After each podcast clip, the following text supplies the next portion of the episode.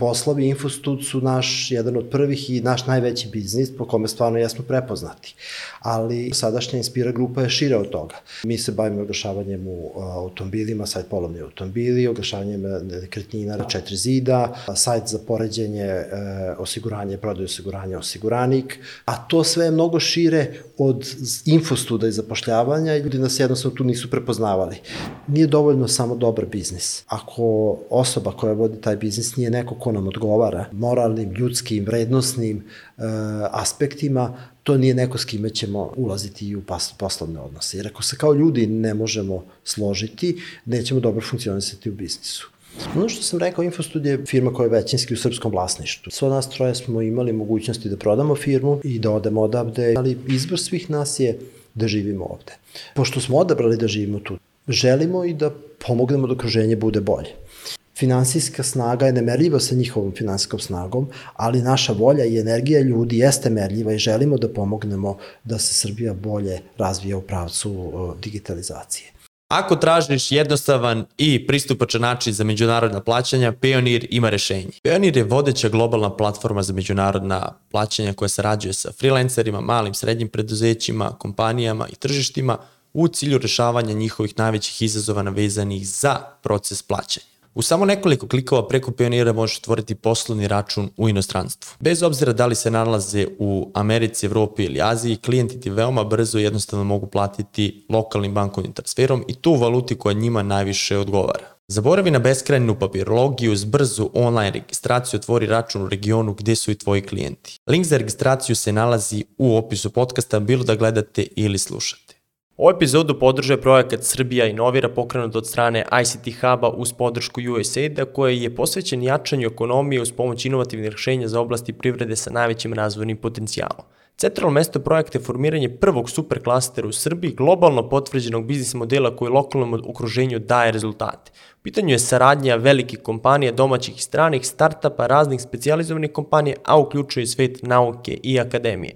Cilj te saradnje je stvaranje većeg broja inovacija kako bi se napravila baza za dalji razvoj domaće privrede zasnovan na novim znanjima. Projekat je pokrenuo četiri super klastera. Za više informacije iz kojih su oblasti i kako možete se priključiti, posetite njihov website i profile na mrežama. Skaliranje dalje, dalje neki ono level up. Ako ćemo da krenemo. Apsolutno da, da. Učite iz grešaka. Biznis priče. Danas u gostima imamo jednu i ekskluzivu i premijeru direktora i suosnivača Inspira grupe. Sigurno se pitate šta je sada to, znate njihove proizvode, u pitanju je bivši Infostud, Bane Gajić je danas sa nama. Bane, dobrodošao u Biznis priče. Bolje vas naše, hvala na pozivu. Jesi se priviko na novi naziv ili... Iskreno da budem još je u toku navikavanje. 20 godina pod imenom Infostud ne može tako lako da nestane. E, pogotovo što Infostud dalje postoji, moram da te ispravim, e, iz Infostud grupe, samo Infostud grupa a, menja ime u Inspira grupu. Infostud nastaje da o, ostaje da bude ono što jeste sajt, sajt za zapošljavanje.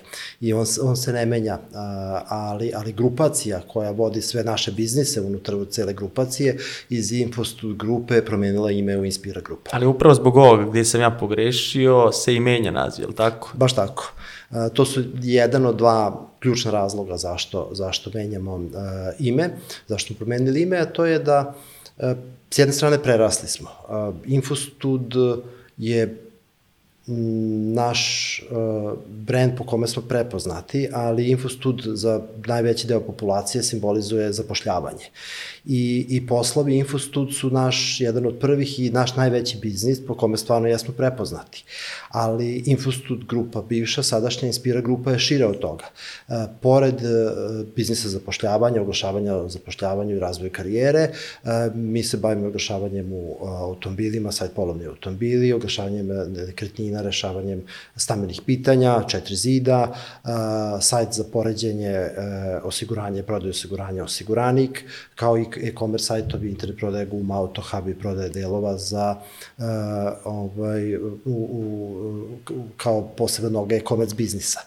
a, a to sve je mnogo šire od infostuda i zapošljavanja i ljudi jednostavno smo, uh, ljudi nas jednostavno tu nisu prepoznavali.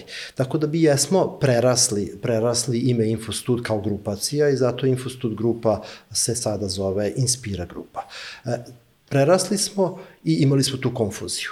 Sa ovime, sa razdvajanjem Infostud e, grupe koja je Inspira grupa, odvajamo se od Infostuda koji ostaje sajt za pošljavanje i deo je Inspira grupe. Slična situacija je bila sa Facebookom i Metom.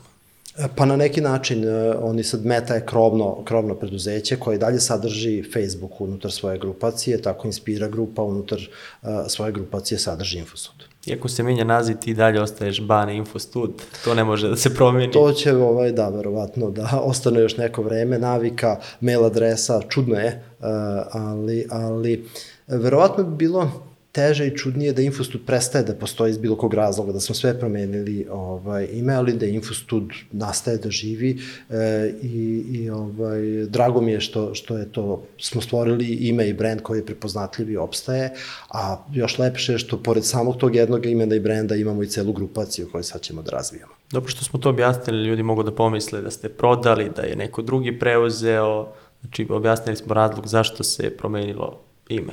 Da, grupacije. E, to je jedine, znači samo ime se menja, ime grupacije, struktura vlasništva, organizacija, sve ostalo ostaje isti, svi proizvodi, sajtovi, biznisi koji kako su funkcionisali pre ove promene, tako funkcionišu sada a, na identičan način. Sem te naše ovaj navike koje treba malo da a, a, osvestimo za ljude koji rade u sajtu zapošljavanja, oni dalje rade u Infostud, ali svi mi ostali imamo, smo ovo, pogotovo u centrali, sad smo u Inspira grupi. Ali to je, to su slatke muke posle 20 godina šta ste napravili, pa ajmo da vidimo tu priču kako je nastao Infostud, Infostud grupa i danas Inspira grupa, odakle ste krenuli od studentskih dana, E, pa, Infostud su stvari informacije za studente, od tuda ime. E, trebalo je to da bude inicijalno Tudinfo, ali je mm, zauze domen. Zauze domen u datom trenutku. Kad sam smislio ime, e, bio slobodan. Dok sam našao kreditnu karticu da pozovem i kao student nisam imao ovaj, to, dok sam se ja našao, neko je kupio domen, tako da smo onda permutovali.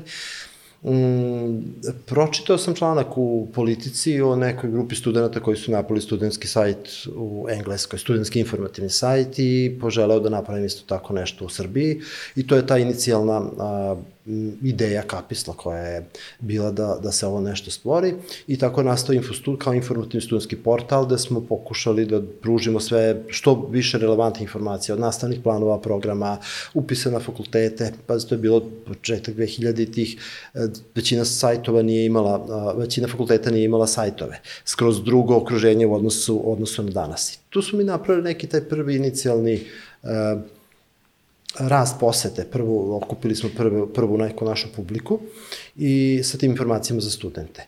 I onda smo krenuli dalje da razmišljamo šta je to kad imamo studente kod nas na sajtu, šta dalje treba studentima u životu, pa smo imali, ne znam, informacije za izlazak uveče u grad i provod, ali ono što je bilo važno, kad studenti završe studije, eh, oni traže posao pa smo ušli, ušli u segment oglašavanja a, poslova. I otuda poslovi koji su postali dominantni i veliki i preuzeli primati i ime Infostud a, a, de facto. U tom, toj inicijalne fazi je bilo razmišljanje o monetizaciji, da li od ovoga može da se napravi neki biznis, da se živi?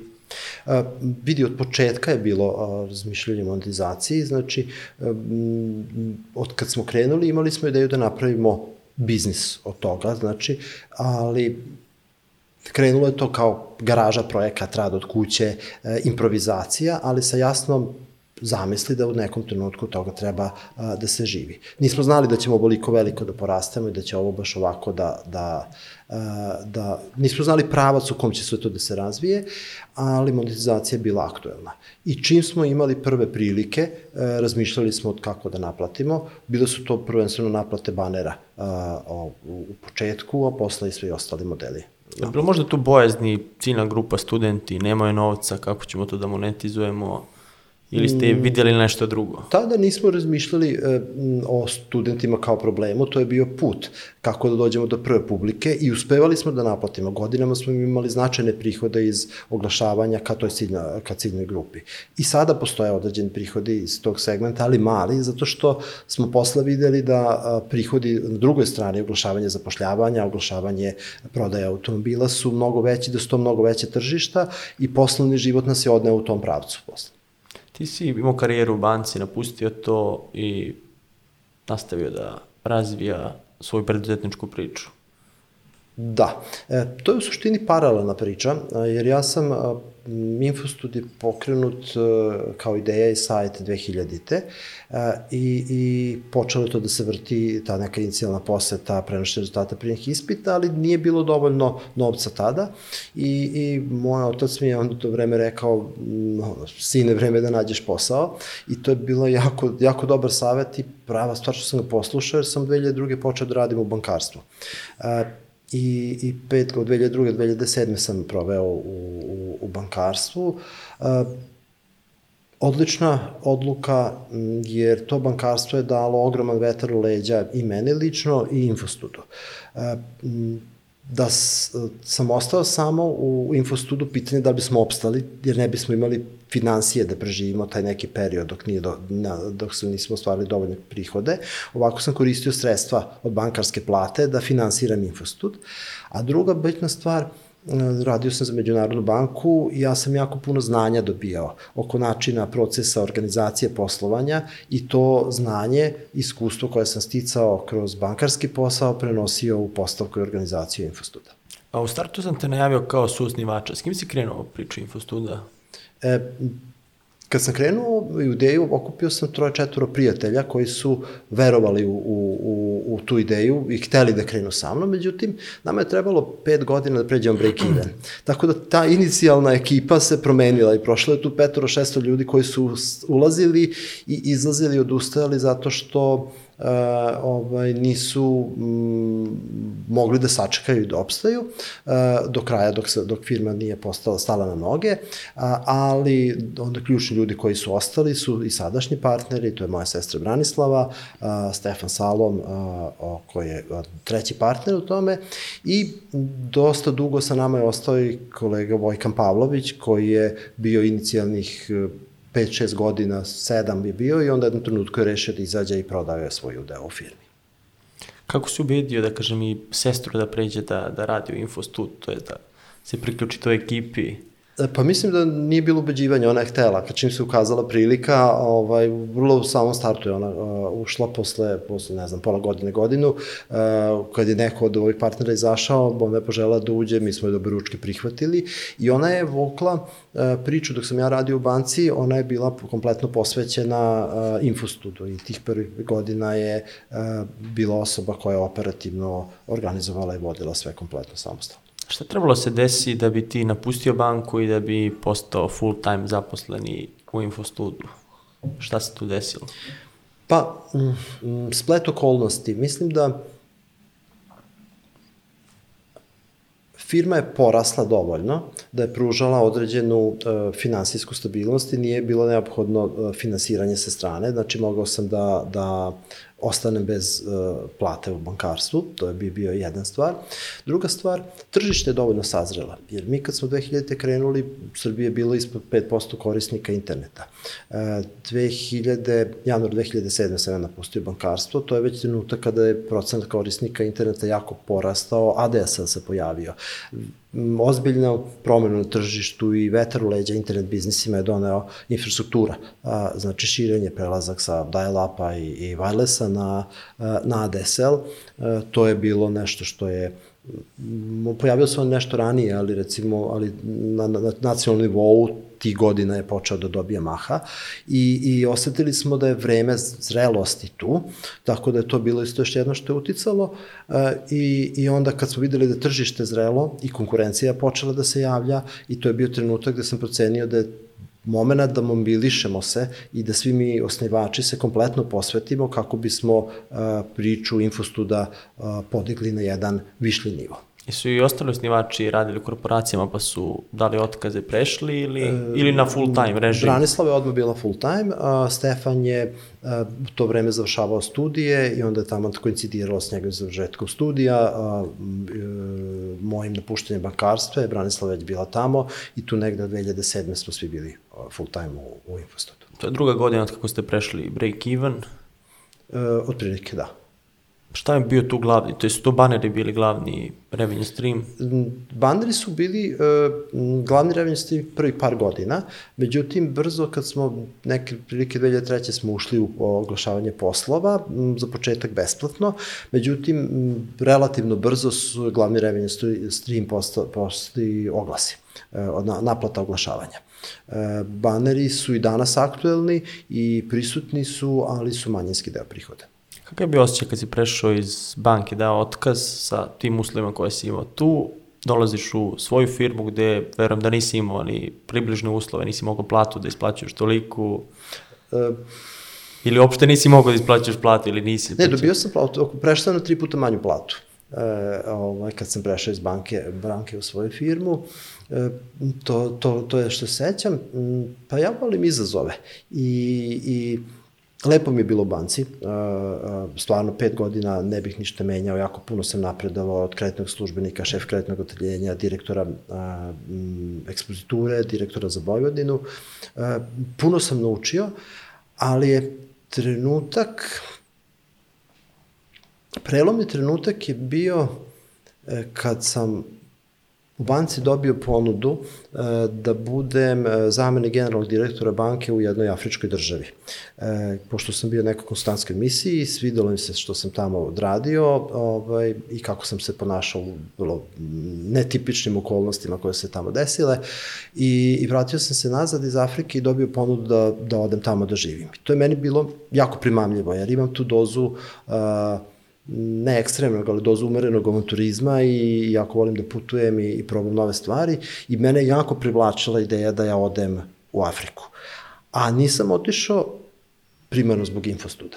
Zato što sam želeo, više sam želeo da razvijem infostud i onda kad se to uparilo sa onim tržičnim okolnostima, donao sam odluku da napustim bankarstvo i prešao infostud, iskreno, bio sam srećan zato što e, jeste to u nekom trenutku već onda počelo biti sedenje dve stolice, ovako se prebacio nešto svoje, e, e, sa fokusom na time, e, i, i osnovni e, sentiment jeste, mislim, bila sreća, a, a uz određenu dozu neizvesnosti, a ta neizvesnost je bila ne toliko tržišna, nego više pitanje kako ću se ja sada iz bankarstva snaći u nekoj drugoj e, delatnosti, kako će se ja, bez obzira što sam osnivač, kako ću se ja dokazati tu. Da neka, neka doza da, ovaj, zemlje u startu postojala, ali brzo je to išlo kako treba. Kako ste prodali krizu koja je tada već se spremala, Mm, Da. ugrozila poslovanje? Nije ugrozilo poslovanje uh, u smislu da smo jako dobro prošli kroz krizu, ali se i tekako osetilo. Mi smo u mesec dana, oglašavanje poslova jako uh, osetljivo na ekonomsko stanje. Znači, kada je ekonomska kriza, ljudi ne zapošljavaju, nemate kome da prodajete oglas za posao. Znači, mi smo izgubili unutar mesec dana 50% prihoda i, i ovaj, trebalo nam je nekih dve godine e, da se vratimo na, na, na nivo koji je bio pre, pre početka krize, ali smo to iskoristili kao šansu. Na, pošto smo mala privatna firma, nikad nam nije cilj bio maksimizacija profita, nego optimizacija prihoda, profita i rasta na duži rok.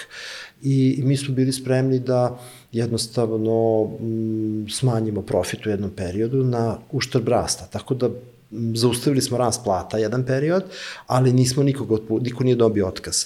I nismo zaustavili e, sa ulaganjem u razvoj u tom periodu i onda smo jednostavno e, napredovali u, smi, u smislu razvoja proizvoda, sačuvali tržišnu poziciju, čak i napredovali u odnosu na druge koji su bili mnogo više osetljivi na pad profita i, i ojačali smo kroz tu krizu, ja bih rekao. Ono što je karakteristično za Infostud tada kad ste krenuli dan danas, uh, nastao u Subotici, ostao u Subotici, niste kao većina biznisa išli logikom i lakšim putem da se preselite u veću sredinu gde već imate formirane kadrove, Beograd, Novi Sad, već ostali u Subotici razvijali svoje kadrove, E, da. Moram da kažem da sam srećan što smo u Subotici. Malo je falilo možda da budemo u, u Novom Sadu, jer ja sam zadnje dve godine bankarske karijere proveo u Novom Sadu i onda smo se vratio za Suboticu, to je bio, to je bila manja firma još uvek, ne znam, 10-15 nas, i sećam se da je neko pokrenuo pitanje, ajde možda se preselimo za Novi Sad, čak je, smo malo većali oko toga, ali nekako se izgubilo i ostali, ostali smo u Subotici. I, I boravak i rad u manjem mestu ima svoje i pluseve i minuse, koji većina stvari u životu, ali, ali mislim da stvari naravno ličnog afiniteta, ali za mene lično plusevi su mnogo veći i srećan sam što vodimo firmu i što živimo u Subotici, jer mislim da je jednostavno kvalitet života a, veći. A, ovaj,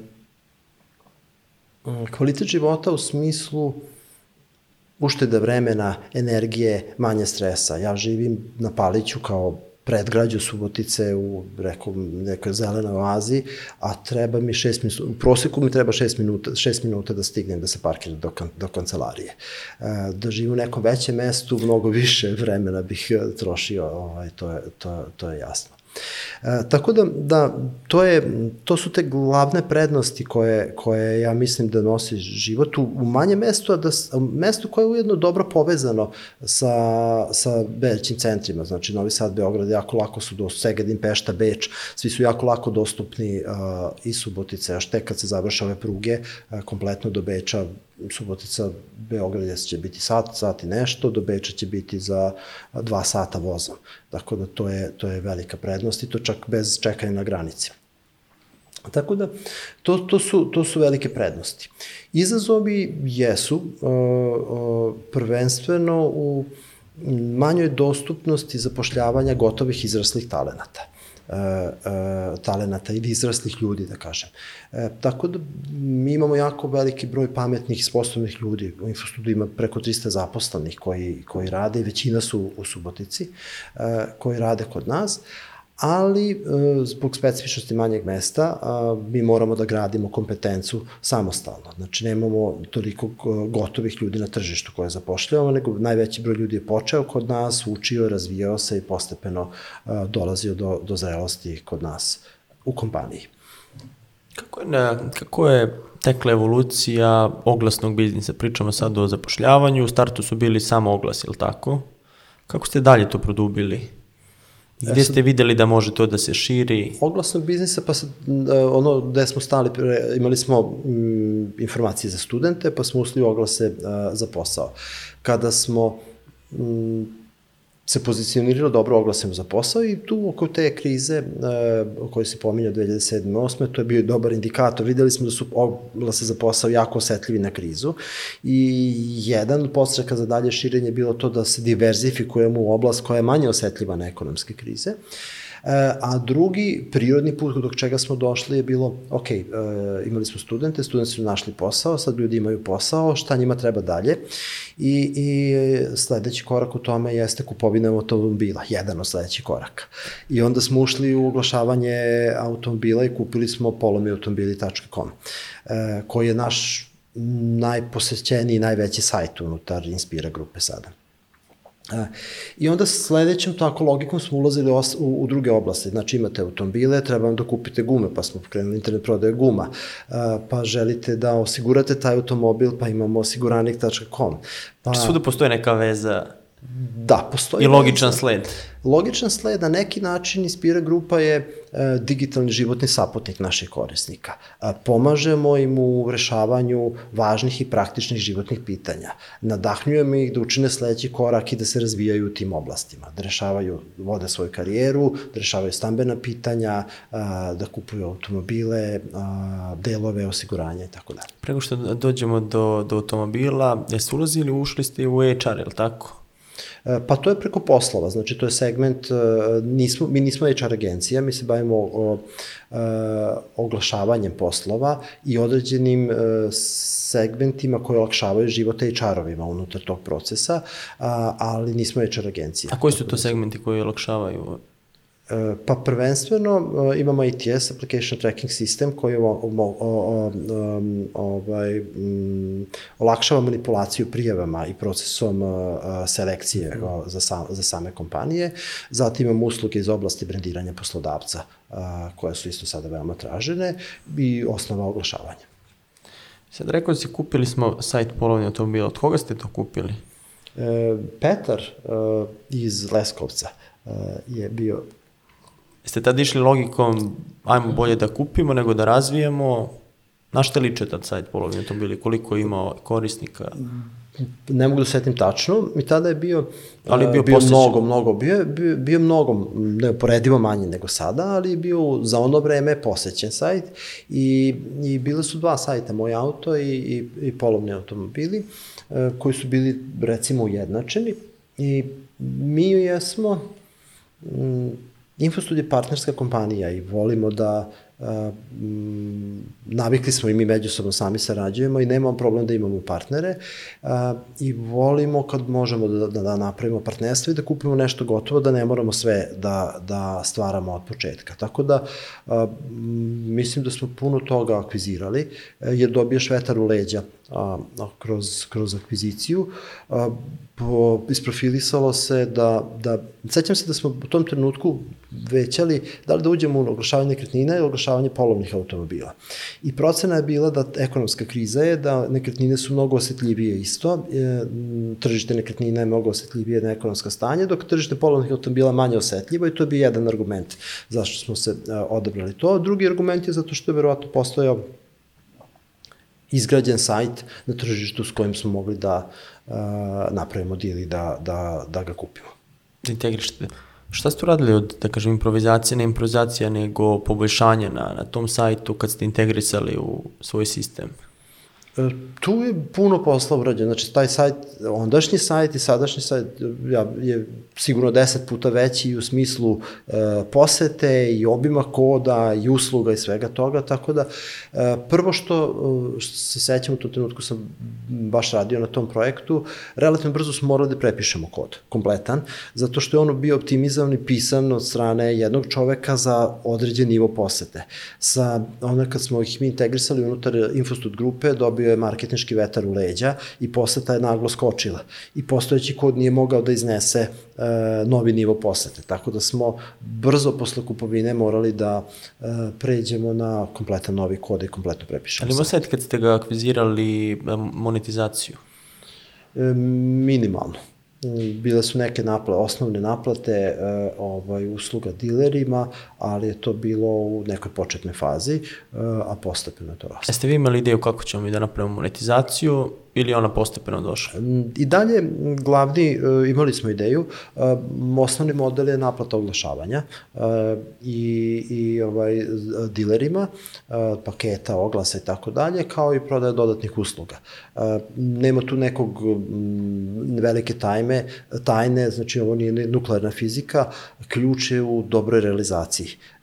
Poslovni modeli oglašavanja, mobile, autoscout, polovni automobili je približno isti, ima sa tu u današnje vreme ima nekih novih inovacija koje se, koje se pomeraju, ali godinama je to ostalo isto.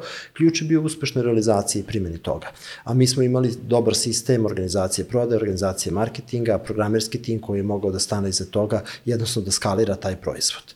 Što mnogi drugi ljudi znaju, ali, ali napraviti, e, mnogi ljudi imaju te resurse, ali napraviti pravi miks, to je taj fine touch, to je ono zašto ne može svako da bude preduzetnik i uspešan, e, jer treba sklopiti sve te resurse u dobru fu- funkcionalnu celinu koja pravi razliku na tržištu. Jeste imali tada, ko je bio konkurent na tržištu? Konkurent je bio moj auto, e, moj auto, on je bio u vlasništvu i još uvek, ne znam, da je u vlasništvu, ja mislim, Maxi Springer Ingiera. Tako, ne, onda nije bio u vlasništvu. E, u to vreme je bio u privatnom vlasništvu jedne Pa su druge firme, kasnije. pa su na nekom trenutku oni akvizirali. Da. Jeste vi tom akvizicijom postali grupa? Od Infostuda do Infostud grupe? E, Ili ste ranije? Pa time smo, e, dobili na širini grupe. E, jer pre ulaska u oglašavanje automobila imali smo obrazovanje i imali smo oglašavanje e, oglasa za posao. Tako da smo već tu imali dva, dva modela, ali sve nekako bilo po tom nekim brendom Infostud. Info, Infostud su bili studentski stvarti i Infostud je postalo zapošljavanje. Sa ulaskom polovne automobile dobili smo grupu koja je bila šira od tog nekog infostuda i drugi veliki biznis unutar grupacije. Sad je kada gledamo grupaciju, Infostud najuspešniji u toj grupaciji, kao biznis, pa onda idu polovni automobili, ili tako? Da, naj, naš, Kako pričamo najveći, najveći. Najveći biznis u smislu prihoda su ovaj, je Infostud, eh, zatim uh, polovni automobili, definitivno. Da, to su dva najveća biznisa i one nose kompletnu snagu grupacije, ali svi ostali biznisi su veoma uspešni. Znači, Četiri zida je biznis koji je, polovni automobili su prvi na tržištu poslovi, odnosno Infostud su prvi na tržištu, još uvek se malo zbunim, odnosno uh, Inspira i, i sa novim imenom, ali znači poslovi Infostud su prvi na tržištu. Uh, četiri zida je jako lep biznis u rastu koji je negde o nekom drugom mestu na tržištu, ima stopu rasta od 60-70% godišnje prihodima. Uh, osiguranik je u digitalnom smislu kao agencija koja se bavi sajt koji se bavi poređenjem osiguranja i prodajem osiguranja. Postoje naravno osiguravajuće kuće i, i a, druge agencije koje se bave prodajem osiguranja, ali, ali ako gledamo da je to primarno digitalni kanalom, osiguranik je first mover, znači lider na tržištu i on pomera, pomera stvari napred, je isto jedan biznis koji jako lepo se razvija, već je profitabilan i isto ima stope rasta 60-70% ovaj, godišnje. A najmanji biznisi su e-commerce biznisi, ali nezanemarljivi i oni jako lepo rastu i prodaje guma i prodaje delova. Kako si ti usmjerio fokus? Sad imamo grupaciju nekoliko različitih potpuno oblasti. Kako si ti usmjerio fokus gde ću sada da, da budem uključen, posebno u toj fazi, sad je već to sistem za sebe, ali u toj ranoj fazi, kako si merio teći koliko vremena da ode U ranije fazi smo se, to je jedna od prednosti imanja više osnivača partnera, delili smo se, pa je svako pokrivao neke oblasti. Ja sam dugo vremena bavio se primarno automobilima. Centralne stvari smo neke radili zajedno, ali moj fokus je bio, su bili polovni automobili. Posle akvizicije, do rasta, tržišne pobede nad konkurencijom. E, godinama sam je primarni fokus bio u polovnim automobilima. Stefan i Branislav se bavili drugim prioritetima i to se menjalo kroz, e, kroz vreme. Uh, ali, ali kako smo porasli, pošto mi sada imamo Znači, to su tri grupe poslovnih modela i šest biznisa.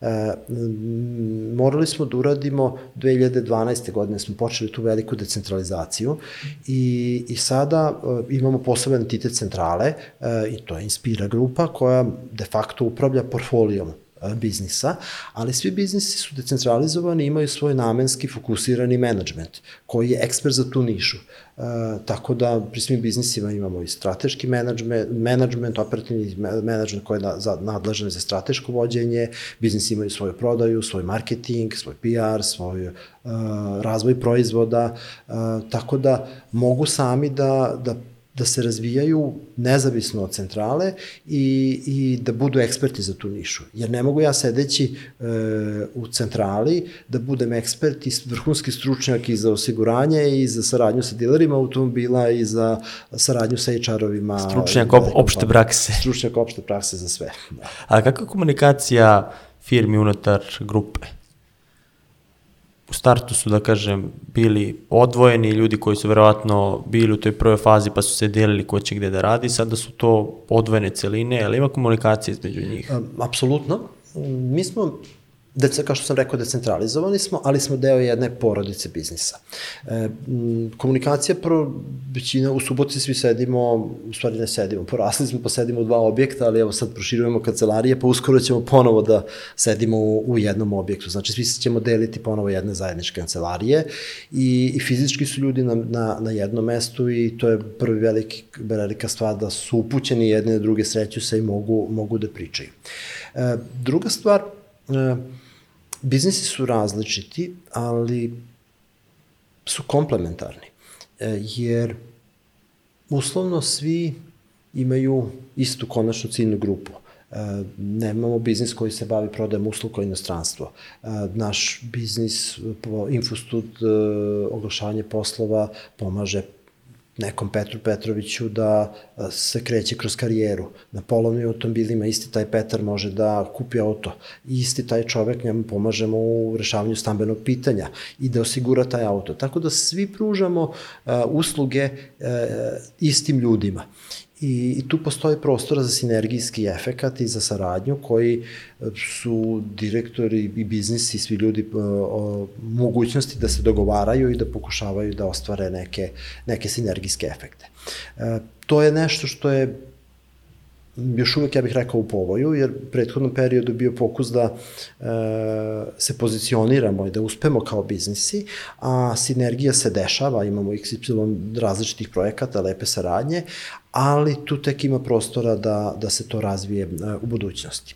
I, ali ako počnemo od toga da, da mi jesmo grupa e, e, komplementarnih biznisa, naša strategija u toj nivou decentralizacije je formiranje takozvane porodice biznisa, gde biznisi imaju stratešku autonomiju, Uh, ovaj, da ih grupa samo pomaže da, da brže rastu, savetuje, ali su samostalni u vođenju, grupa pomaže u finansijskoj snazi i grupa želi da pomogne u stvaranju sinergije. E da bi se desila ta sinergija i da bi mogli bolje da ih savetujemo, naučili smo da, da je potrebno da, da formiramo određenu vrstu matrične strukture. Da pored uh, namenskog menadžmenta biznisa formiramo uh, u, na nivou centrale grupu funkcionalnih direktora. Tako da uh, neke već pozicije imamo, neke su u procesu zapošljavanja, imamo u nivou grupe pozicije direktora HR-a i komunikacija, direktora financija, direktora IT-a, direktora biznis razvoja i direktora prodaje. Na nivou grupe? Na nivou grupe. I onda ti direktori, recimo direktor biznis razvoja s perspektive grupe, će sarađivati sa šefovima biznis razvoja u svakim biznisima. Iako su šefovi biznis razvoja podređeni i, i ovaj direktni šef i odgovoran je direktor biznisa konkretnog.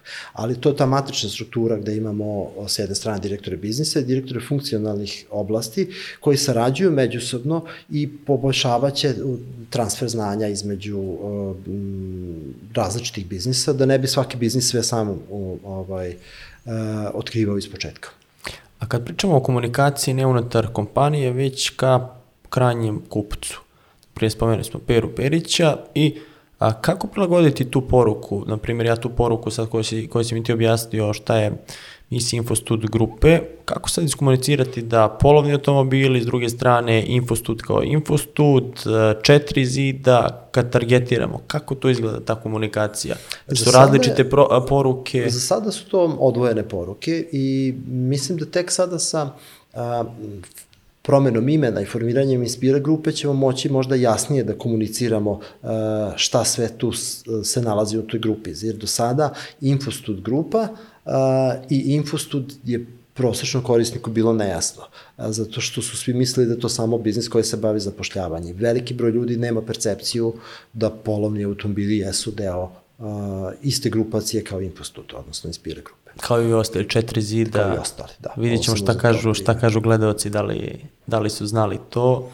U stručnoj i nekoj uh, javnosti koja je dublja u internet biznisima, to je poznatije, ali široj populaciji, uh, mi kad smo radili istraživanje promene imena, uh, 80 nešto posto ljudi je pod infostudom posmatralo samo grupu sajtova za zapošljavanje.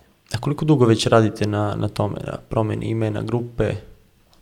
E, promena imena, već godinama smo osetili tu potrebu, ali jednostavno nismo, nije, nismo imali snage da, da ranije isteramo to, potrebno je bilo da, da rešimo neka strateška usmrenja grupe, u kom pravcu će grupa da ide, jer to utiče na, na, na ime grupe. Korona je isto malo usporila, jer su fokuse otišli na druge stvari, ali promenu imena smo aktivno krenuli da radimo pre otprilike godinu dana, E, i, i u tih godinu dana, prvih pola godine je otišlo na našu internu analizu, e, istraživanje, da utvrdimo e, šta, kako i koji pravac želimo da idemo. E, I kada smo doneli internu odluku da e, kao ovaj, da ime Infostud prepuštamo kompletno našem biznisu zapošljavanja, a da će centrala da dobije drugo ime, onda smo ušli u saradnju sa eksternom agencijom koja nas je vodila kroz proces odabira novog imena. Kad pogledamo sad različite biznise u okviru grupe, koji su tebi bili najveći izazovi? U kojoj grupi od tih biznisa? Da li su to automobili, zapoš, zapošljavanje, infostud, nekretnine ili e-commerce koji je došao na kraju? Mm, e, teško mi da izbavim šta je najveći izazov. Možda, možda zabluda je bila kad smo ušli u internet prodaju guma. E, mislili smo da, pokušali smo da logiku poslovanja e, iz oglasnih modela, koji su platformski biznisi, te radimo na spajanju ponude i potražnje, da primenimo na e-commerce biznis koji je pipeline biznis, gde se kupi nešto, obradi se, proda se i, i, i to jednostavno nije funkcionisalo. I napravili smo velike troškove bez, sa nedovoljno dobrim e, efektima i potrošili smo par godina na to. I to je škola koju smo ovaj, platili, ali ali smo tu školu naučili i od kad smo, od kad smo je naučili, m, prodaja jako lepo raste i razvija se. Tako da taj trans, ulazak u novu grupu poslovnih modela, mislim da je bio onako dosta uh, veliki izazov. Sad znamo da razlikujemo poslovne modele i da svi zahtevaju druge kompetence i znanja. Uh, tada to nismo znali. To To... Izgledalo je da je sličan biznis ili isti? Pa iskreno, kako mali perica zamišlja biznis, znaš, imali smo polovne automobile, polovne automobili imaju milionsku posetu, znači kupili, internet prodaj guma smo isto kupili e, i ona je lepo krenula u tom startu i to je delovalo trivialno, aha, samo stavimo banere na polovnim automobilima, ljudi kupuju tamo automobile i oni će svi doći, dolaziti kupovati gume na internet prodaj guma, međutim to se nije desilo. A to umrežavanje, sad, sad si rekao stavimo samo banere, kako je izgledalo to umrežavanje ili danas kako izgleda, imamo sajt polovne automobile, te korisnike, kako možemo mi ih da usmerimo na gume, na primjer? Je to samo taj baner ili postoji neki dublji Mora da se radi dublje. Znači, e, e, samo staviti baner na polovne automobile i da bi, to je ono što smo očekivali. Stavimo baner, imat ćemo efekte na internet prodaje guma. E, realnost nije takva. Staviti baner na visoko poseća sajt polovne automobile ima 10-15 miliona poseta mesečno. Uh, ponovljenih poseta, nisu to sve jedinstveni posetioci, ali velika, velika poseta. Uh, to donese ogromnu posetu na, na uh, internet prodaju guma, ali se ta poseta ne konvertuje. To je istraživačka poseta. I ljudi u trenucima kad su na polovnim automobilima, oni su u tražnji automobila. Oni tada ne traže gume.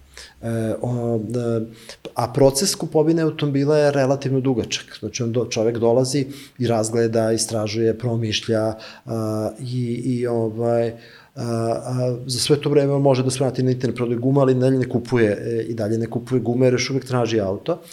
I onda kada kupi automobil, on više nije na sajtu polovni automobili, a onda je trenutak promene guma. Tako da tu ne postoji ta direktna a, veza. I pravac jeste na mm, veće praćenje e, životnog ciklusa korisnika automobila. E, I to je više stvar za budućnost, da bolje razumemo ponašanja, da znamo kad je neko kupio automobil, e, kad ga prodaje, da možemo da pomoću podataka da radimo neke projekcije i da onda na, na, na, u pravom trenutku mu ponudimo adekvatne gume. To bi bila neka pametna, pametna sinergija. kao automatizacija? Kao automatizacija i pametan način pristupa korisnicima kada, kada, kada mu nudiš ono što mu treba u trenutku kad njemu treba. Jeste radili možda procenu sada, na primjer, ti prodaš automobil i da staviš u kom su stanju gume kao kategorija i onda na osnovu toga da se zna koliki je, na primjer, životni vek tih guma, ako kaže da su negde već pred zamenu, da vi korisnika koji se izjasnio da je kupio ili automobil, da njemu nudite... Vidiš, nismo to radili, zanimljivo te preneći ljudima iz produkta u polovnima. I, ili ako slušaju. Da, da, da. Koje su to sve bile? Spomenuli smo sad te akvizicije. To je po priči dosta akvizicija. Je li bilo bojazni kad ulazite u akviziciju, prvo kako ste uh, radili tu procenu? Ok, imamo polovne automobile koji su verovatno bili jedini sajt u tom trenutku, imali smo konkurenciju, ali nije bilo sa 30 sajtova gde ste mogli da, da birate. Kako ste vršili tu procenu, da li da uđete u tu akviziciju ili se možda više isplati da mi krećemo Uglavnom, mm, mislim, situacija je da tržište u Srbiji relativno malo i nerazvijeno, tako da uglavnom nema velike ponude nečega što se može akvizirati. E, tako da se uglavnom svodi na to ili pokrećemo sami ili, ili kupujemo. Nema prevelika ponuda sajtova ako želiš da, da uđeš u, u, u neku oblast. E, I naš sentiment je uvek bio da, da želimo da kupimo, ako, ako, da kupimo i neku kompetenciju i neko dodatno znanje. Tako da smo naginjali e, i, i početnu neku startup fazu da je neko drugi uradio. Tako da smo naginjali ka, ka akvizicijama. Infostud je uradio, Infostud Inspira grupa, e, je e, imala desetak akvizicija različitih biznisa kroz, kroz ovih 20 godina poslovanja i sigurno jedno 5-6 imamo još aktivnih investicija gde smo manjinski vlasnici u procesu da se ti, dok gledamo razvoj tih biznisa. E, procena je relativno lako je to išlo u, u, u taj kontekst procene, delomično zato što sam i imao karijeru u bankarstvu, gde moj posao jeste bio da procenjujem firme s aspekta da li su sposobne da uzmu kredit, tako da finansijska analiza poslovanja drugih preduzeća je nešto s čemu zavičan. Koleginica Suzana koja je direktor financija isto godinama radila u risku u banci, tako da, da, da procenu drugih firmi smo od starta relativno dobro znali da radimo u, finansijs, u finansijskom segmentu. Ali mimo finansijskog segmenta ključna stvar su tu e, ljudski odnosi. I, i, i raditi partnerstvo. E, mislim, možete akvizirati ako preuzmete 100%, onda gledamo samo o perspektivi tržišta i perspektivi biznisa, ali u mnogim stvarima mi imamo i, i partnere tu još uvek. I, I to nam je uvek bilo jako važno da e, nije dovoljno samo dobar biznis ako osoba koja vodi taj biznis nije neko ko nam odgovara uh, na moralnim, ljudskim, vrednostnim uh, aspektima, to nije neko s kime ćemo uh, ulaziti u poslovne odnose. Jer ako se kao ljudi ne možemo složiti, nećemo dobro funkcionisati u biznisu. Ima tu, volim to da citiram taj test preko okeanskog leta. Ne želim da ulazim partnerske odnose u biznisu sa nekim s kim ne mogu da provedem kvalitetnih 10 sati vremena u preko okeanskom letu kad smo osuđeni da pričamo jedni s drugima. Ako ću bežati od tog leta i tih 10 sati zajedno, onda ovaj, ne želimo li da, da, da sarađujemo zajedno. Ako tih akvizicija uvijek ostojao branding ili bar naziv ili ste negde promenili? Mm, mislim da smo svuda sačuvali inicijalni brand. E, možda ću i pogrešiti, pošto je bilo doli ovako što mi prolazi kroz glavu, mislim da smo svuda sačuvali inicijalni brand. E, negde smo, Infostud je uradio, Inspira grupa, onda Infostud je bio, tako da ne grešim, je uradio, ja, mislim, prvu akviziciju strane internet biznisa u Srbiji. Kupili smo Trust HR. To je bio mali sajt uh, sa obla, savetima i oblastima, tekstovima iz domena HR-a. I tu smo, recimo, vremenom kompletan sadržaj integrisali u neke druge, pa se taj brand izgubio kompletno, ali, ali ovo je to integrisano u, u poslove u Infostudu. To je bila samo akvizicija zarad sadržaja? Akvizicija zarad sadržaja, da. Kako se sad tu radi monetizacija, to jest procena gdje nemamo monetizaciju, a kupujemo taj sadržaj?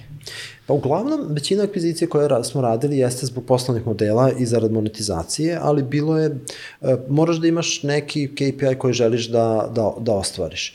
E, e, da li je to poseta? Eh, recimo moja garaža forum je akviziran sa idejom da generiše dodatnu posetu, interakciju ka sajtu polovnih automobila. Eh, Trust HR je akviziran sa ciljem sadržaja i, i gradnje stručne reputacije. Eh, to ne može, nema direktne finansijske metrike, ali procenuješ da li koliko bi tebe koštalo da ti to sam uradiš uh, i da, na, uh, u odnosu na cenu na cenu te akvizicije. Iako je taj odnos isplatljiv, onda ovaj idemo u tom pravcu. Pogotovo uzmeš u obzir da u datom trenutku mi imamo manju ekspertizu u tome, verovatno. Pored akvizicija koje smo spomenuli, tu su investicija. Koja je tu razlika?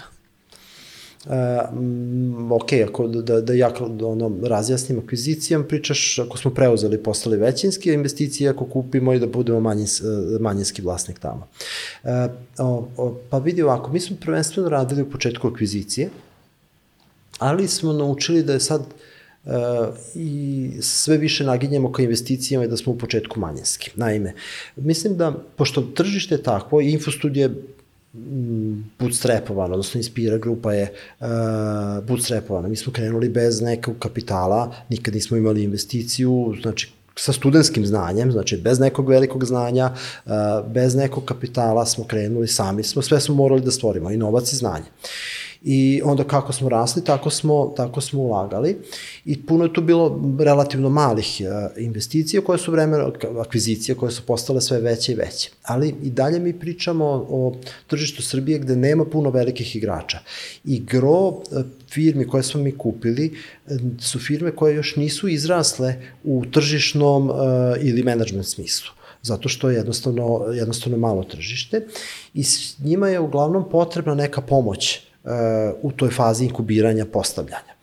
I, I ono što smo mi zaključili je da većinsko vlasništvo akvizicija je potrebno da se uradi samo ukoliko je to već dovoljno zreo poslovni model ili je poslovni model koji je iz naše uh, core ekspertize gde stvarno onda možemo odmah da integrišemo i odmah možemo da damo neko uh, kompletno znanje i damo, damo vetar u leđa. I tada radimo akvizicije i želimo od ta starta da kupimo većinski ili 100% uh, udela.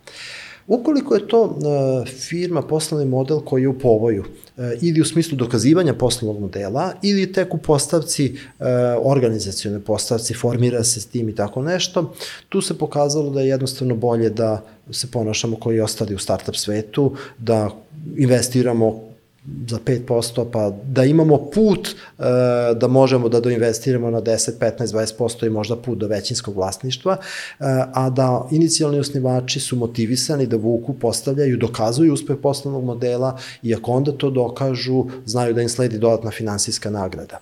Na neki način mi plaćamo više u novcu, ali se pokazuje da to bolji put e, jer taj neko treba da dokaže uspeh.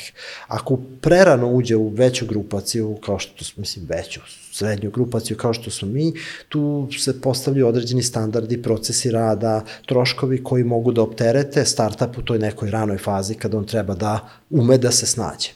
Tako da, da a, ako je nešto skroz u ranoj fazi, okrenemo smo ka investicijama, ako je nešto zrelije, idemo ovaj, ka akvizicijama. A koliko ste tu uključeni u investicijama? U investicijama... Je to smart money ili... E, trudimo se da bude. Zavisi ste, e, imali, imamo investicije koje su bile onako malo više sa strane gde smo učili kako se investira i tu ne možemo toliko da budemo i e, savetodavci, e, ali tu pokušavamo. Otvoreni smo i postoji ta neka komunikacija, ljudi nam se jave, dajemo savet iz generalnog produkt managementa, e, financija, kako da organizuju, rade projekciju tokova novca, bilo šta što, što mogu. Ako je nešto bliže našoj oblasti, a težimo ka tome da idemo, onda se trudimo da budemo i sagovornici, čak i da pomognemo u nekim stvarima, ali ne da ulazimo u, u operativno vođenje. A koje su to oblasti, te koje nisu iz vašeg domena, gde ste investirali? Pa recimo uh, imamo uh, polazak.rs ili .com, nisam siguran, uh, prodaja voznih karti za autobuse i vozove. To je nešto što e, je bio, jako nam se svidela ekipa koja stoji iza toga, jako su posvećeni, vredni, e, videli smo da taj poslovni model ima perspektivu, mislim, ljudi će kupovati putem interneta i vidimo da oni rastu. Imali su peh, što, što blizu posle naše investicije početka rasta desila se korona i mm, putovanje je dve godine, znači onaj pad što smo mi imali 2008. je ništa naspram pada u prodaju voznih karti koji su oni imali uh, sa koronom, gde su bukvalno izgubili 90% tržišta u, u datom trenutku. Ovaj, to je nešto što je recimo van, van naše oblasti, uh, ali mm, se i tu trudimo da bu, dademo savete i pomoć koliko možemo.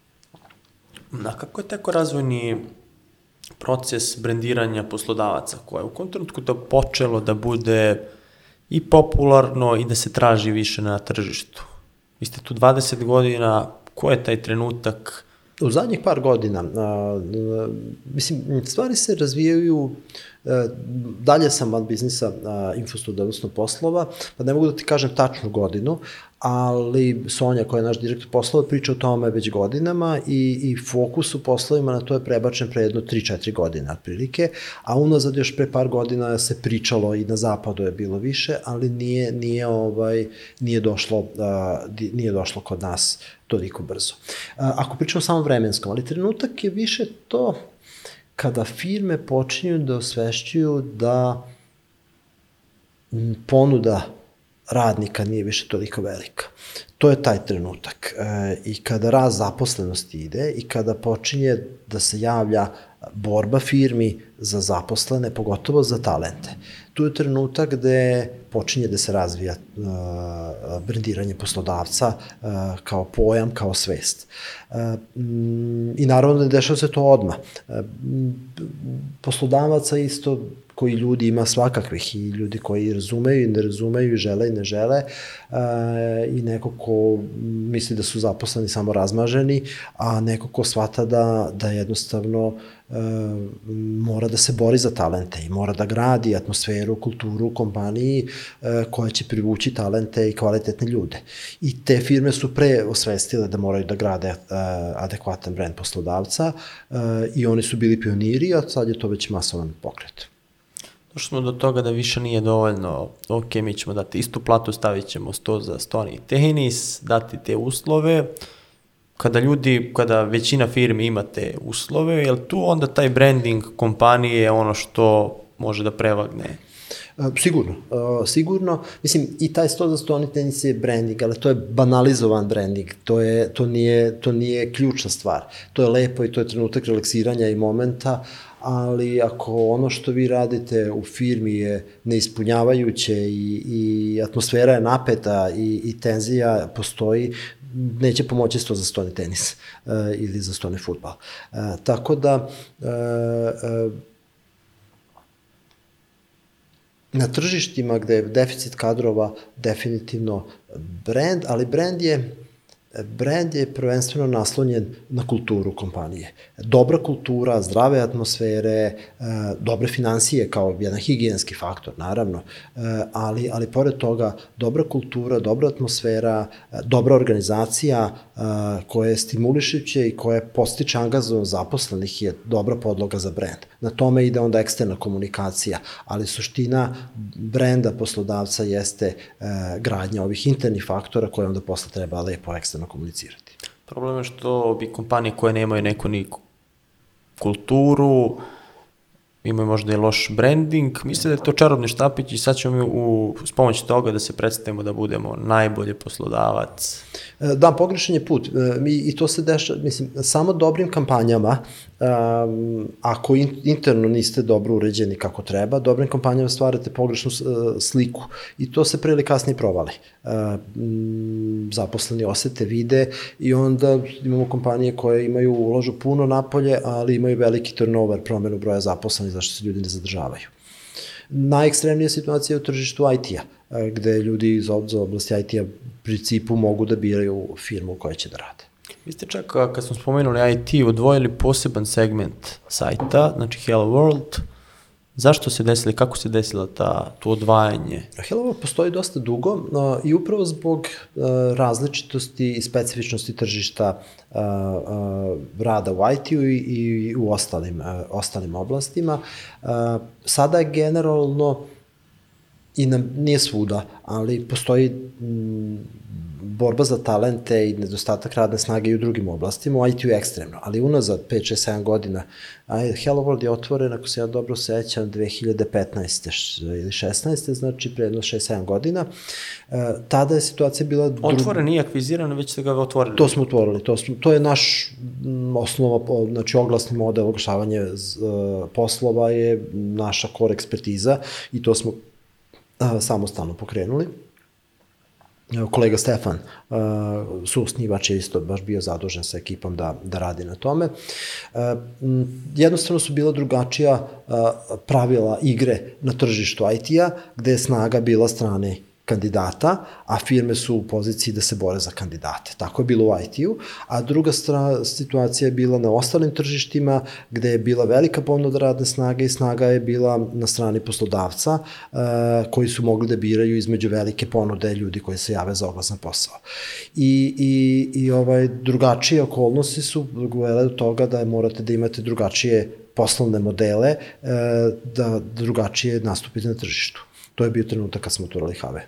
Kako je Hello World, to jest kako pomaže IT poslodavcima da dođu do radne snage? E, to je specializovan sajt. E, znači, fokus je stavljen e, na, na u HV-u je fokus stavljen na potrebe e, kandidata, to jest IT-evaca, tako da je zamisao bio da se e, unese transparentnost u nekoj meri u rad IT firmi. Tako da tamo imamo IT Insider koji e, m, pokazuje, znači, e, kandidati, programeri, IT-evci mogu da ocene svoje firme u kojima su radili ili rade, tako da imaju uvid... Kako se zna da su radili? Mora neki dokaz da stave ili na E, imamo, sad isto sam daleko, nisam siguran da li je još uvek tako, ali je bilo da smo imali verifikovane i neverifikovane komentare. Anonimni su, ali je verifikovan tako što je potvrdio, ako se dobro sećam, sa LinkedIn nalogom, gde je LinkedIn nalog upisano da je radio u toj toj firmi. Tako da, da time se povećava a, ovaj, e, Verodostojnost. verodostojnost, verodostojnost toga. I znači komentari e, da se dolazi do kredibiliteta određenih kompanija, zatim imamo informacije o firmama u smislu e, svih javno dostupnih podataka iz APR-a, e, rast broja zaposlenih, rast prihoda, rast profita. Tako da neko može da pogleda e, na jednom mestu i poredi kompanije i vidi kako, e, da li ta firma stagnira ili pada u prihodima, da li radi na crno ili radi zvanično, e, da li raste i to je sve nešto što može da pomogne kandidatu da odabere ovaj, koju firmu će da radi. I cilj je da m, pružamo kvalitetnije uh, informacije kandidatima, plus oglase za poslove uh, specializovane za IT i to dovodi do veće uh, posete IT stručnjaka na tom sajtu. E, I to je to, kad mi imamo veću posetu IT stručnjaka na tom sajtu, e, na taj način možemo da ponudimo veći broj kandidata firmama i da, da, da formiramo još jedan kanal kojima mogu da firme pristupe uh, IT-evcima i, i da potencijalno zaposle nekog. Plus što ste mogli da usmerite komunikaciju direktno ka tom IT kadru.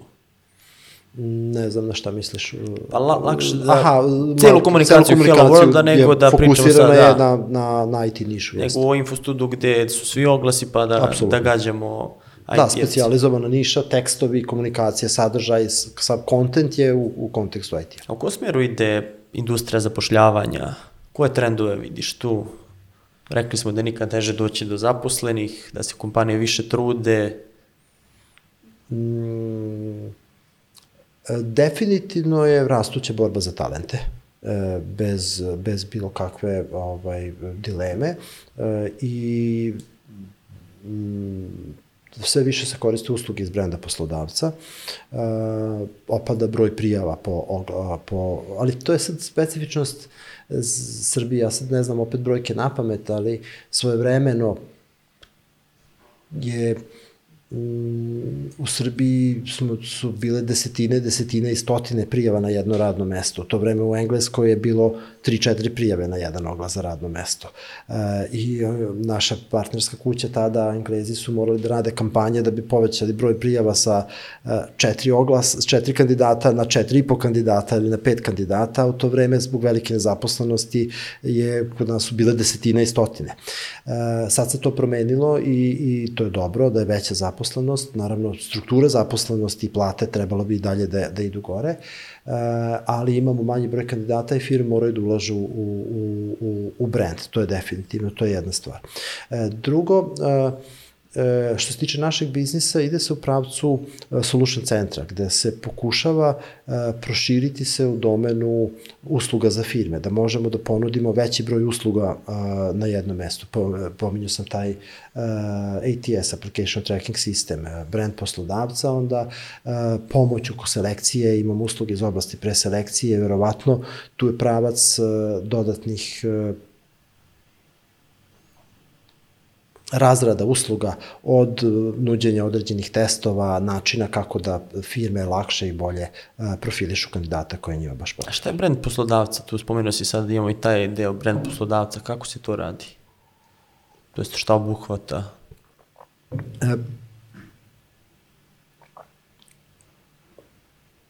način to je komuniciranje brenda poslodavca. Brend poslodavca firma, firma gradi unutar svoje kompanije, ali putem našeg sajta uh, može da zakupi profil, da predstavi sve ono što nudi svojim zaposlenima, da, da, da, da snimi određeni video, da bude vidljiv na određenim segmentima na naslovnoj to ili- stranici. Moguće su različite opcije. I ovaj, unutar toga se razrađuju usluge kojima on, sve ono što firma radi na svom brendu poslodavca u realnosti može da iskomunicira na način adekvatan ka svojoj ciljnoj grupi. A, pitanje vezano za investicije. Pričali smo da ste vi krenuli u investicije, akvizicije. Da li vam u nekom trenutku trebala investicija, posebno u toj ranoj fazi, krenuli ste bootstrap od nule? Nismo nikad uzeli investiciju, uh, uvek smo uspeli da nađemo sredstva, kažem, u početku je to bilo malo, inicijalno u startu naš džeparac, posle moja bankarska plata i onda smo od svojih prihoda plus plata uspeli smo da pređemo taj break even i mogli smo da, da, sve, da sve samostalno finansiramo.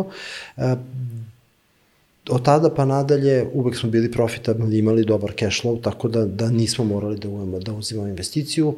E, da li smo trebali, ne znam, srećni sam što nismo. E, prodali smo 25% firme.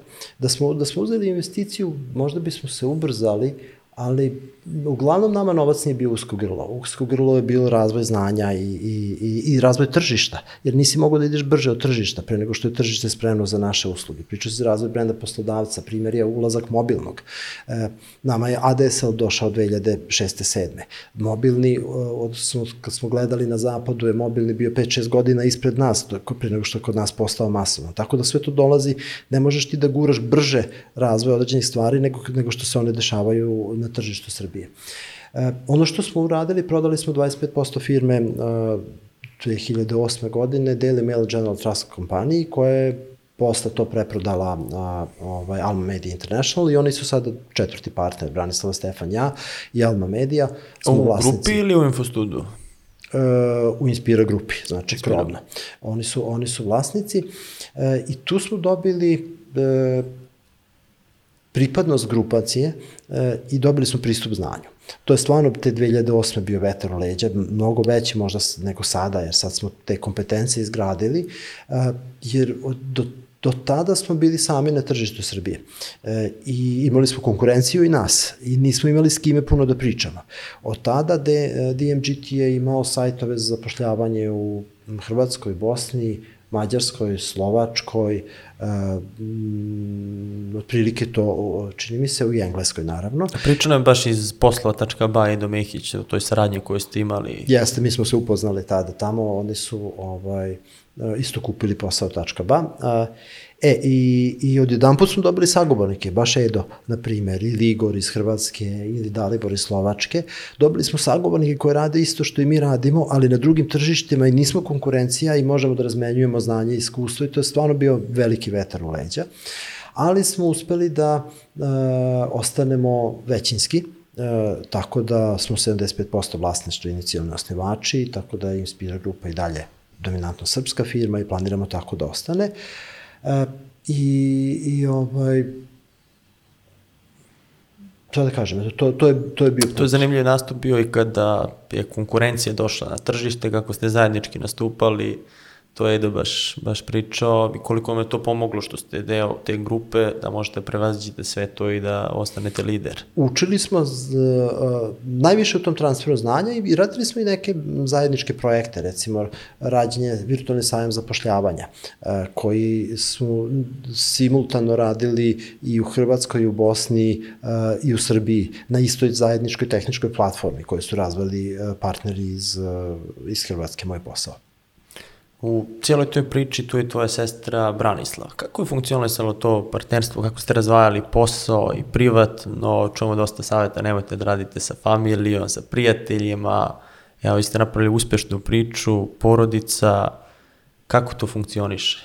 Je li bilo od izazova i koji su? Vidi, partnerski odnosi su uvek izazovni. E,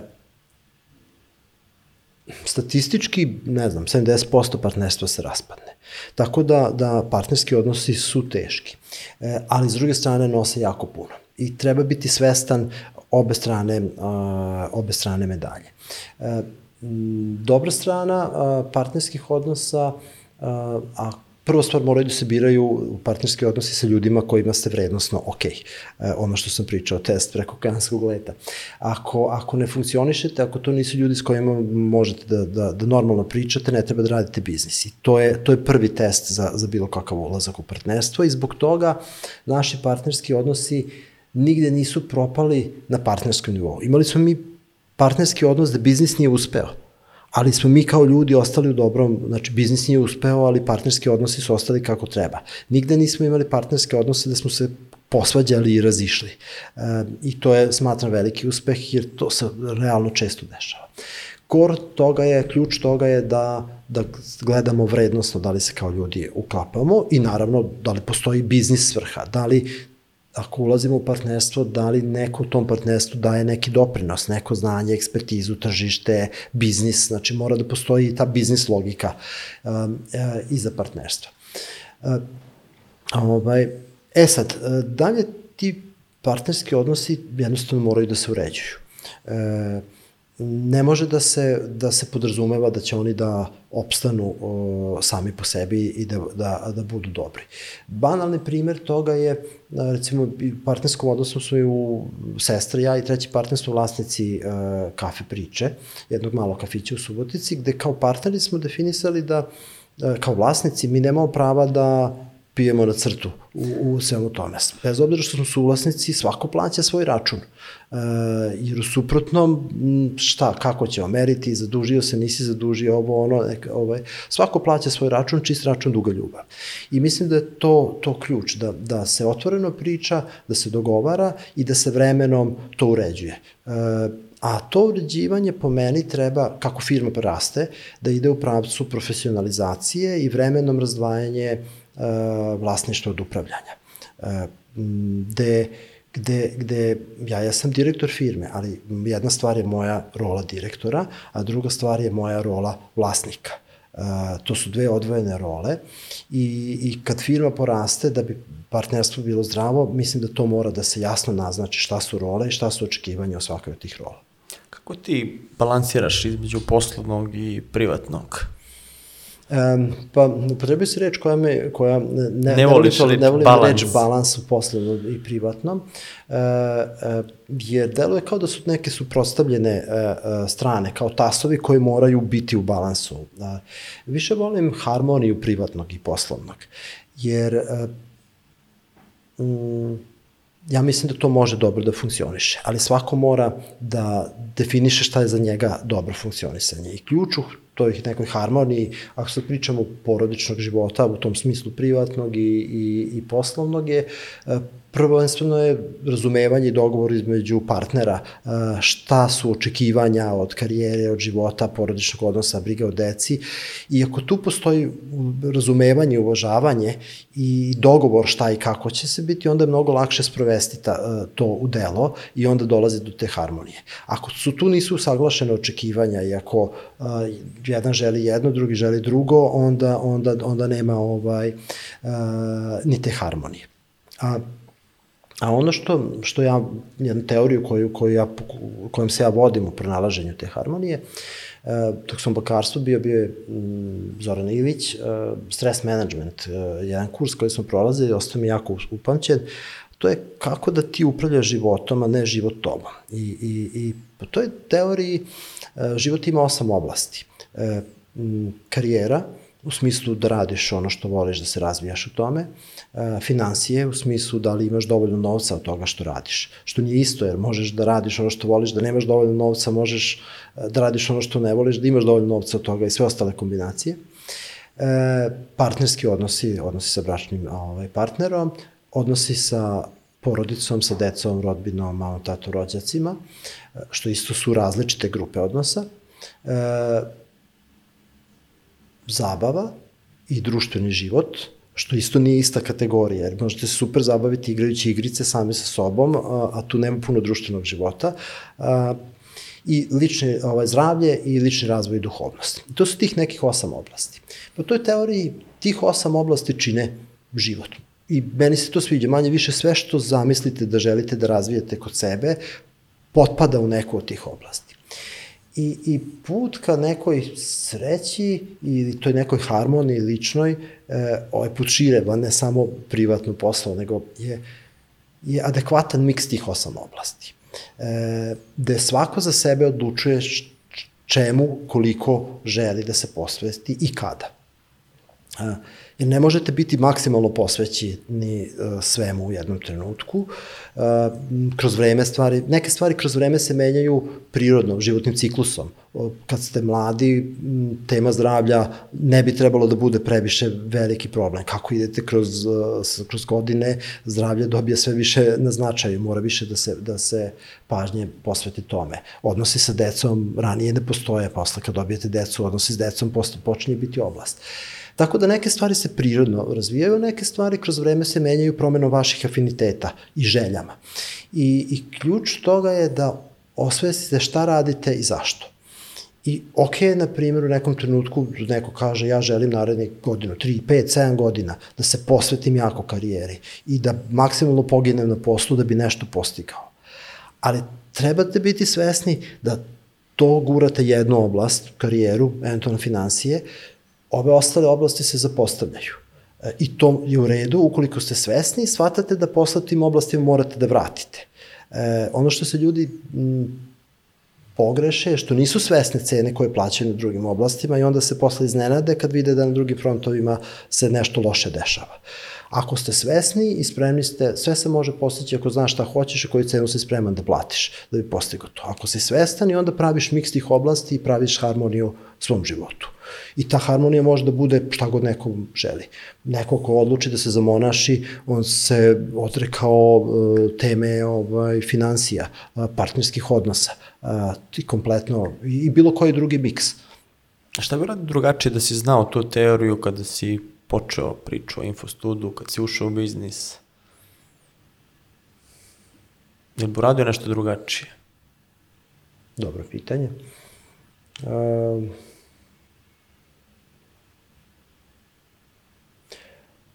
Mislim da bih ranije uh, uložio možda više vremena u provodi putovanja uh, u jednoj fazi.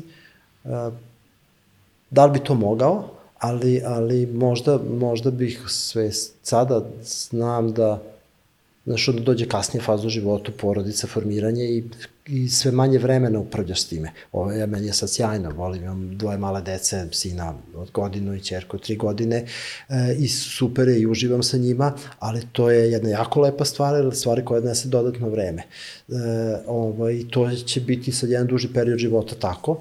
E, ovaj, možda bih, možda bih ranije uh, počeo sam ja da putujem dosta dugo, ali imao sam jedan vakum gde sam bio dosta posvećen poslu. A to da cena biznisa, gde nisi... Cena biznisa, možda bi tu malo više uložio u, u neka putovanja i avanture u tom periodu. To je dobro, dobra primena i dobar savet. To je ta cena i preduzetništva, ono što se ne vidi. Super je sve to, svi hoće da budu preduzetnici, ali to odricanje, evo.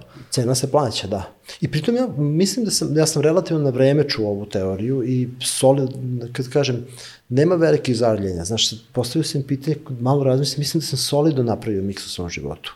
E, ne, nema, ovo je, nivo žaljenja za ovim od 1 do 10 je 3 Znači, ne mislim da sam pravio velike kikseve. E, ali baš zbog toga što sam solidno osvestio ovo. A koje su ti knjige pomogle u tome?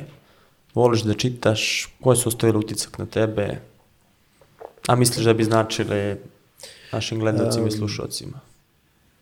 Pa izvojio, izvojio bih nekoliko knjiga, ne, ne, mogu, ne mogu jednu da izvojim. Možda naj, ovako, knjiga iz jedne popularne mm, literature, ali koja je imala vrlo direktan uticaj na, na vrlo konkretan, praktičan, direktan uticaj na moj život u celini, je Bogati otac i romašni otac. Jer zbog te knjige dala mi je vetar u leđa da ne kupim stan e, i zadužim se za kupovinu stana. E, dok sam radio u bankarstvu, imao sam taj društveni pritisak okruženja na, kao, kao direktor u banci, imao sam solidnu platu i kolege su kupovale stanove, e, zaduživale stan sa dobrim pogledom, velika kvadratura i tako dalje. Ja sam imao otpor da to uradim. Imao sam pritisak i roditelja, sine, vreme da se skućiš i to. Sledeća Ovaj, faza, to je to. Sledeća faza, a ja sam stvarno imao otpor da kupim stan. Šta će mi stan? Nisam bio znao ni gde ću tačno živeti i šta je prednost imanja sobstvenog stana u odnosu na imanja plaćanja zakupa stana koji mi daje slobodu. A meni je sloboda velika, velika ovaj, a, vrednost u životu. I, i, ovaj, i pročitao sam tu knjigu koja je klasifikovala na, na imovinu na aktivnu i pasivnu. Aktivna imovina je ona što vraća neki prinos, a sve ostalo je trošak. I stan u kome živite je trošak. Veći stan, veći trošak. Uh, i, I ja sam se opredelio da ne kupim stan, za razliku od većine uh, kolega, ali sam vremenom na, našao način da iskoristim svoju kreditnu sposobnost sa tom vratno visokom platom i uspeo sam da kupim stan e, na prizemlju e, koji sam posle uspeo da pretvorim u poslovni prostor i da ga izdajem. I, i Odličan ovaj, primer. znaš, i uspeo sam da toga da mi je kirija od tog stana bila veća od uh, rate za kredit.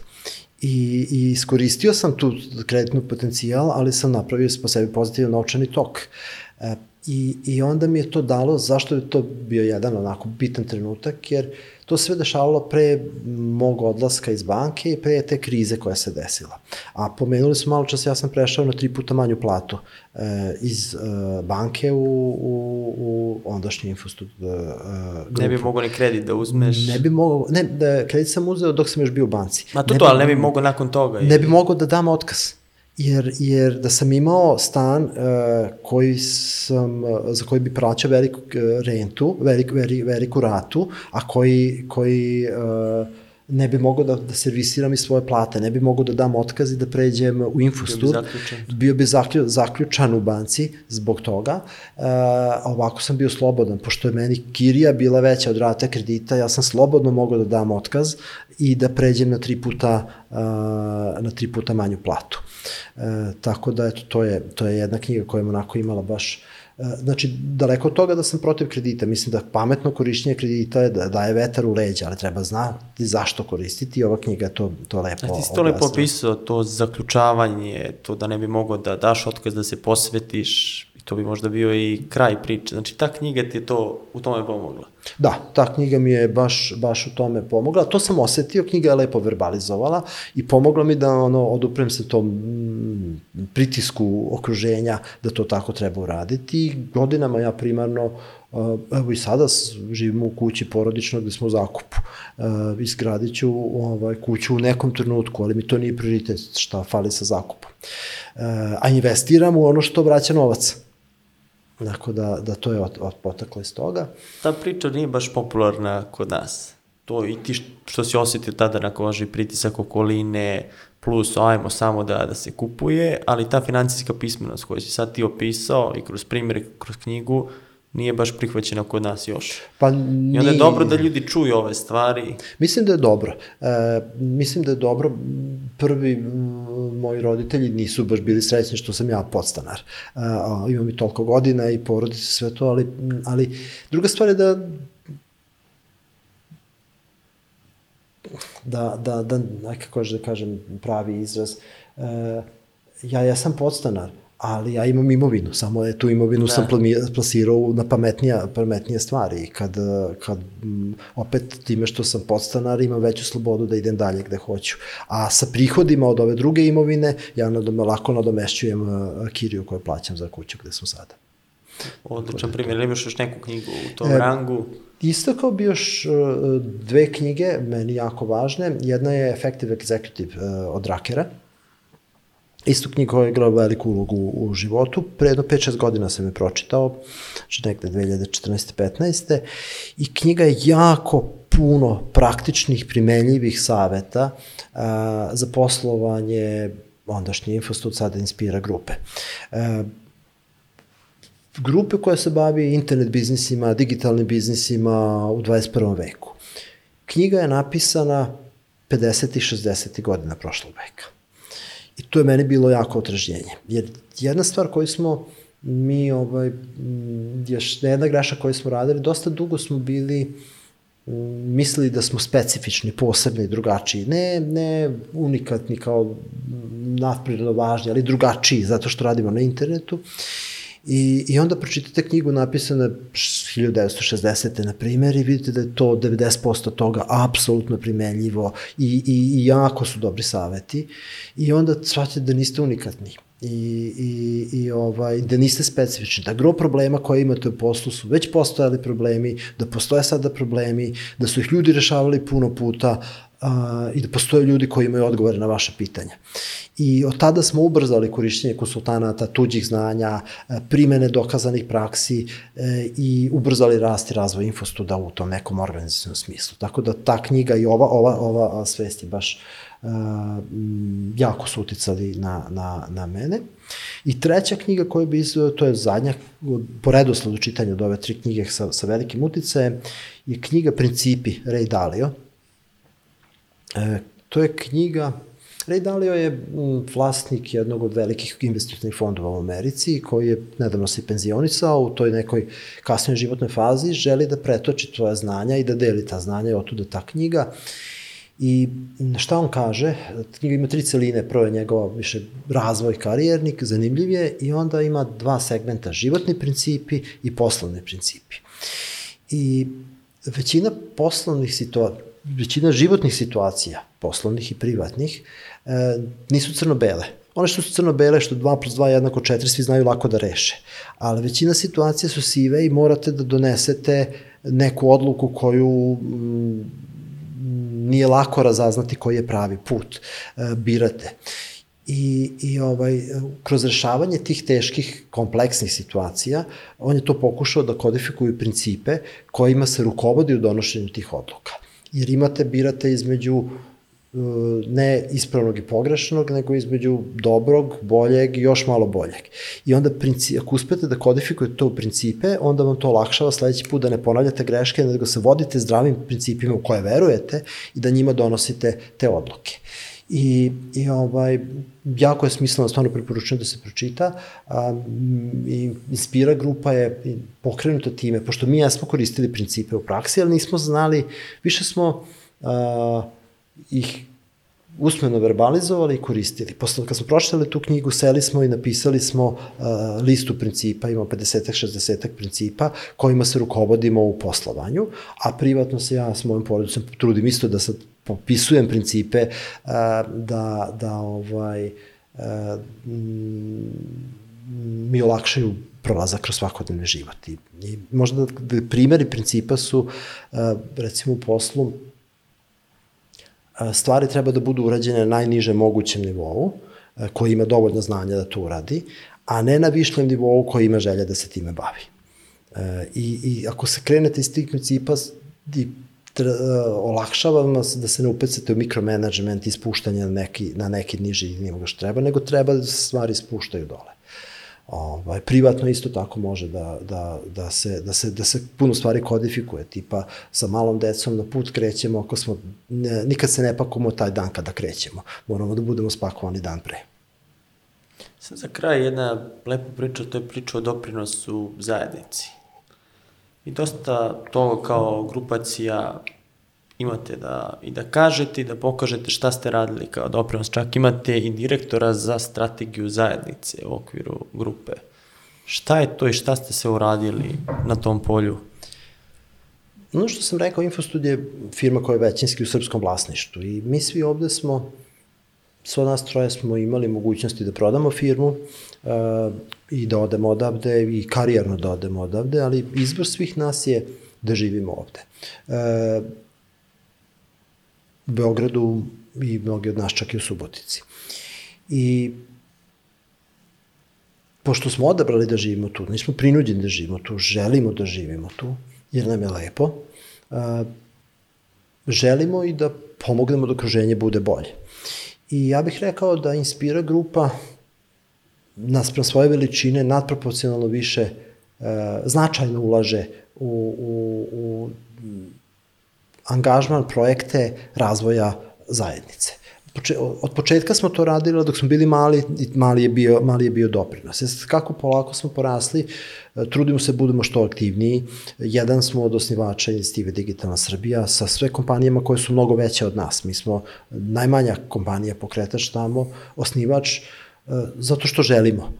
Naš, naš ukupni uticaj nije, nije finansijska snaga je nemerljiva sa njihovom finansijskom snagom, ali naša volja i energija ljudi jeste merljiva i želimo da pomognemo da se Srbija bolje razvija u pravcu digitalizacije.